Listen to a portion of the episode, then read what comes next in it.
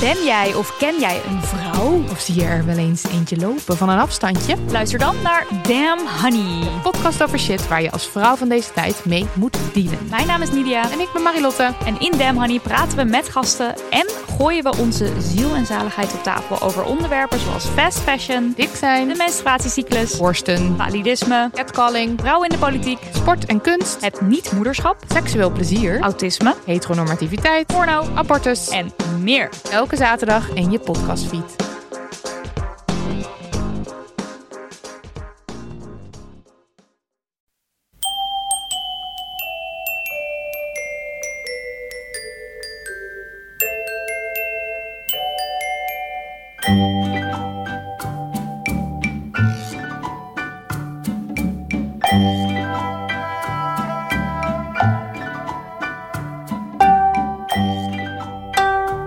Welkom bij aflevering 201 van de Echt Gebeurd podcast, waarin waargebeurde verhalen worden verteld door de mensen die ze zelf hebben meegemaakt. Deze week een verhaal dat Janine Wats vertelde tijdens een verhalenmiddag rond het thema dieren.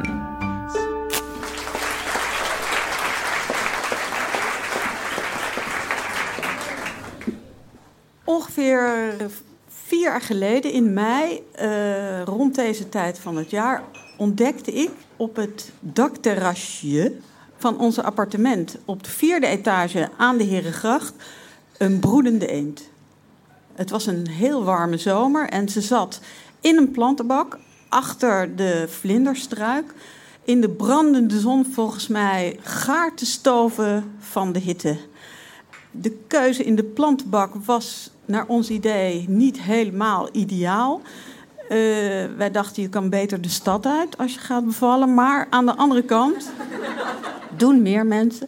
Aan de andere kant eh, moesten wij toegeven dat wij destijds zelf ook een tweeling hadden uitgebroed op die vierde etage. Dus wie waren wij om daar een oordeel over te hebben?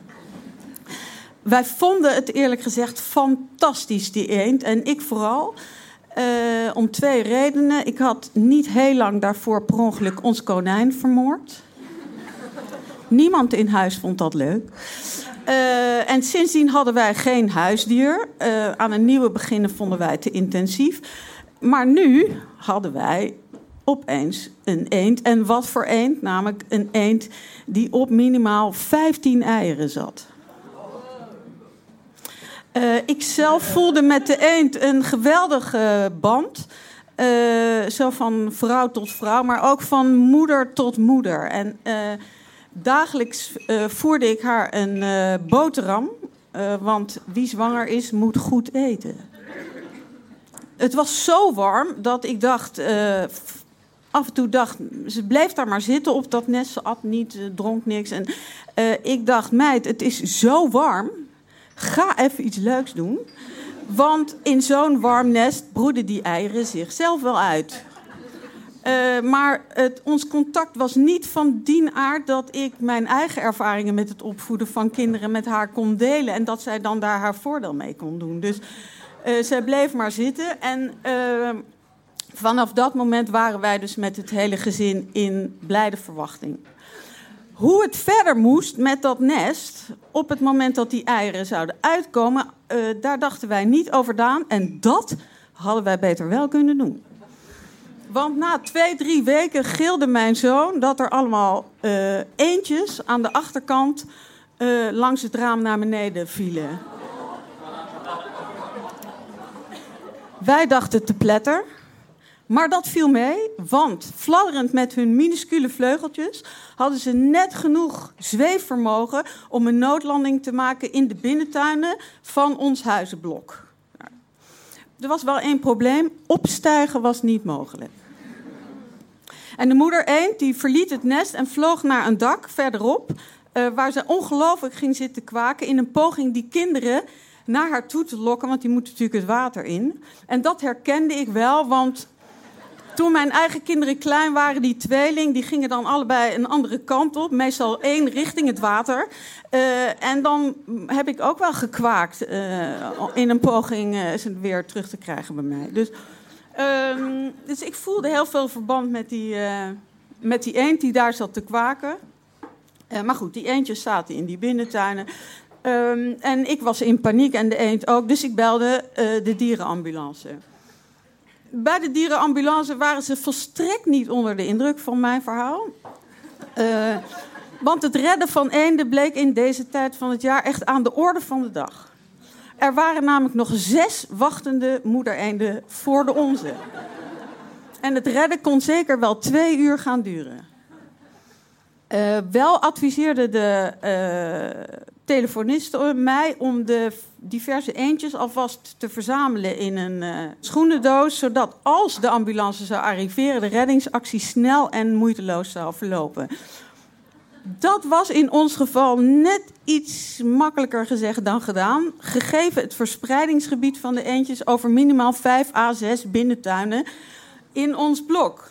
Um, een ander probleem was dat uh, er in Amsterdam weinig uh, buurten zijn die zo anoniem en vijandig tegenover elkaar zijn als de grachtengordel. Niemand zegt elkaar gedag, bij voorkeur niet. Uit angst dat je er dan aan vastzit, denk ik. uh, en uh, als je aanbelt, denkt iedereen dat je een Jehovah-getuige bent en doet niet open.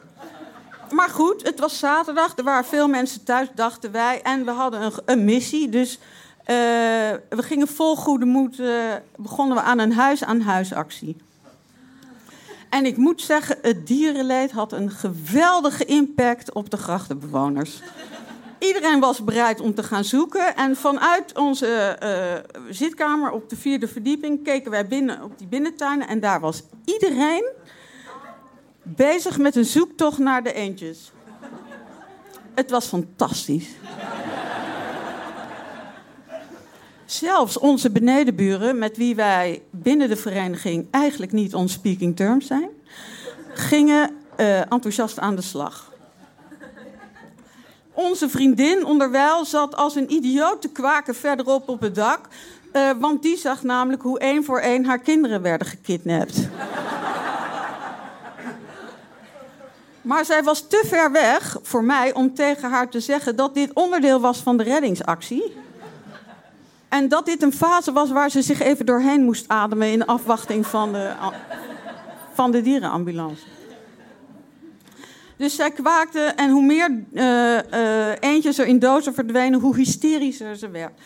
Uh, hoe dan ook, alle eenden bij elkaar in doosjes verzamelden, verzamelden we in de tuin van onze achterbuurman, aan de singel dus. want die had een vijver. En daar lieten we alle eendjes in los. En ik moet zeggen, het was uh, een idyllisch uh, aanblik. Tussen de waterlelies zaten al die eendjes.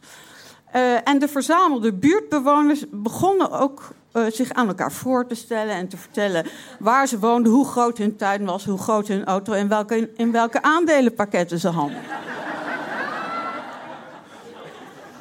Dus er ontstond echt een, een buurtgevoel. En ik dacht, ik ben de aanstichter van dit hartverwarmende initiatief. De enige die er niet blij mee was, was onze eend, want die bleef inmiddels, zat hij te gillen inmiddels op het dak. En dat begreep ik niet. En toen telde ik het aantal eendjes in de vijver en dat waren ze niet allemaal.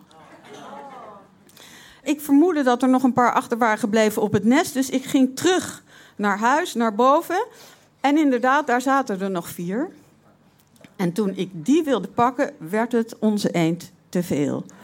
Zij zette een woedende duikvlucht in en schoot recht op me af.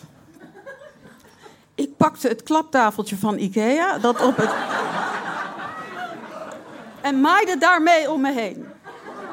Ik raakte haar in de flank, hard. En zij stortte in de dakgoot naast ons. Dat gaf mij net genoeg tijd om twee eentjes te pakken en toen zetten ze de aanval opnieuw in. En deze keer raakte het klaptafeltje haar vol op de bek. Zij vloog door de lucht, maar niet op eigen kracht.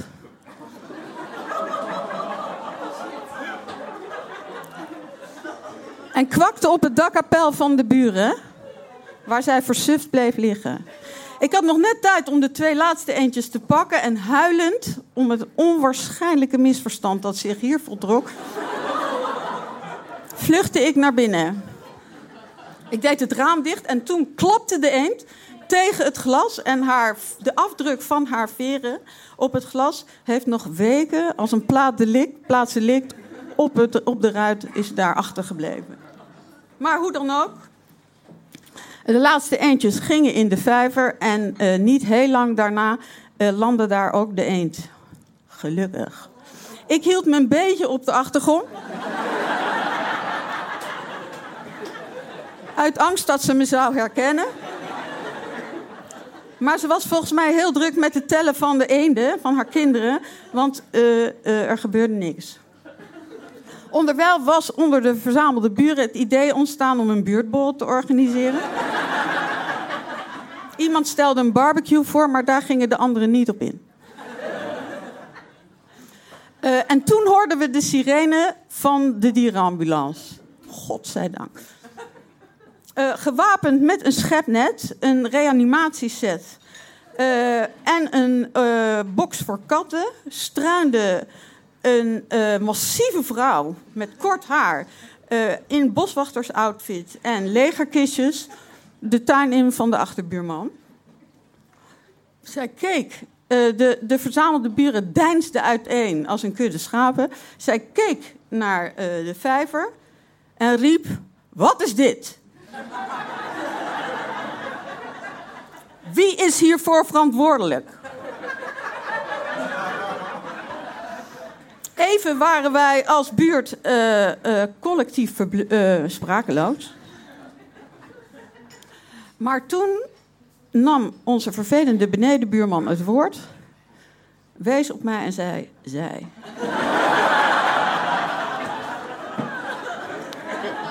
Het was maar goed dat het klaptafeltje van Ikea nog boven stond. Wat heb ik nou gezegd? zei uh, uh, uh, de medewerker van de dierenambulance. In de doos laten toch? Nou moet ik weer helemaal opnieuw beginnen. Weet je wel hoeveel stress dat oplevert voor die dieren? Nou, daar kon ik me wel iets bij voorstellen, maar ja. Ehm, in ieder geval nam niemand het voor me op. En de buurtsolidariteit verdampte eigenlijk ter plekke. Uh, nou, de dierenambulance ging aan de slag en verzamelde uh, alle uh, eendjes. Dat ging vrij gemakkelijk. En toen die één keer in de kattenbox verdwenen waren, wat mij overigens wel behoorlijk stressvol leek. Ehm, maar ik durfde dat natuurlijk niet te zeggen. kwam de eend erachteraan en toen zat iedereen erin. En naar verluid zette de, het geheel toen koers richting de Slotenplas. Want, zei de mevrouw van de dierenambulance, daar zitten relatief weinig woorden en wordt ze niet meteen opnieuw gepakt. Ze zei het droog, maar ik, er klonk een bittere ondertoon in door, alsof ze wist hoe het voelt om kopje ondergeneukt te worden.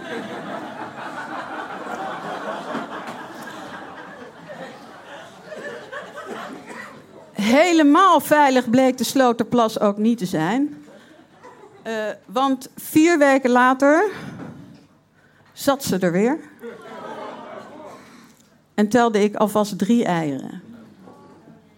En toen heb ik meedogenloos de eieren geaborteerd en in de vuilnisbak gegooid en het nest afgedekt, waardoor zij met haar buik vol uh, een ander heenkomen moet zoeken. Ik hoopte dat ze in de tuin van de benedenburen zou gaan zitten. maar dat heeft ze geloof ik niet gedaan. Uh, bij zo'n verhaal uh, moet je natuurlijk een goede uitsmijter bedenken.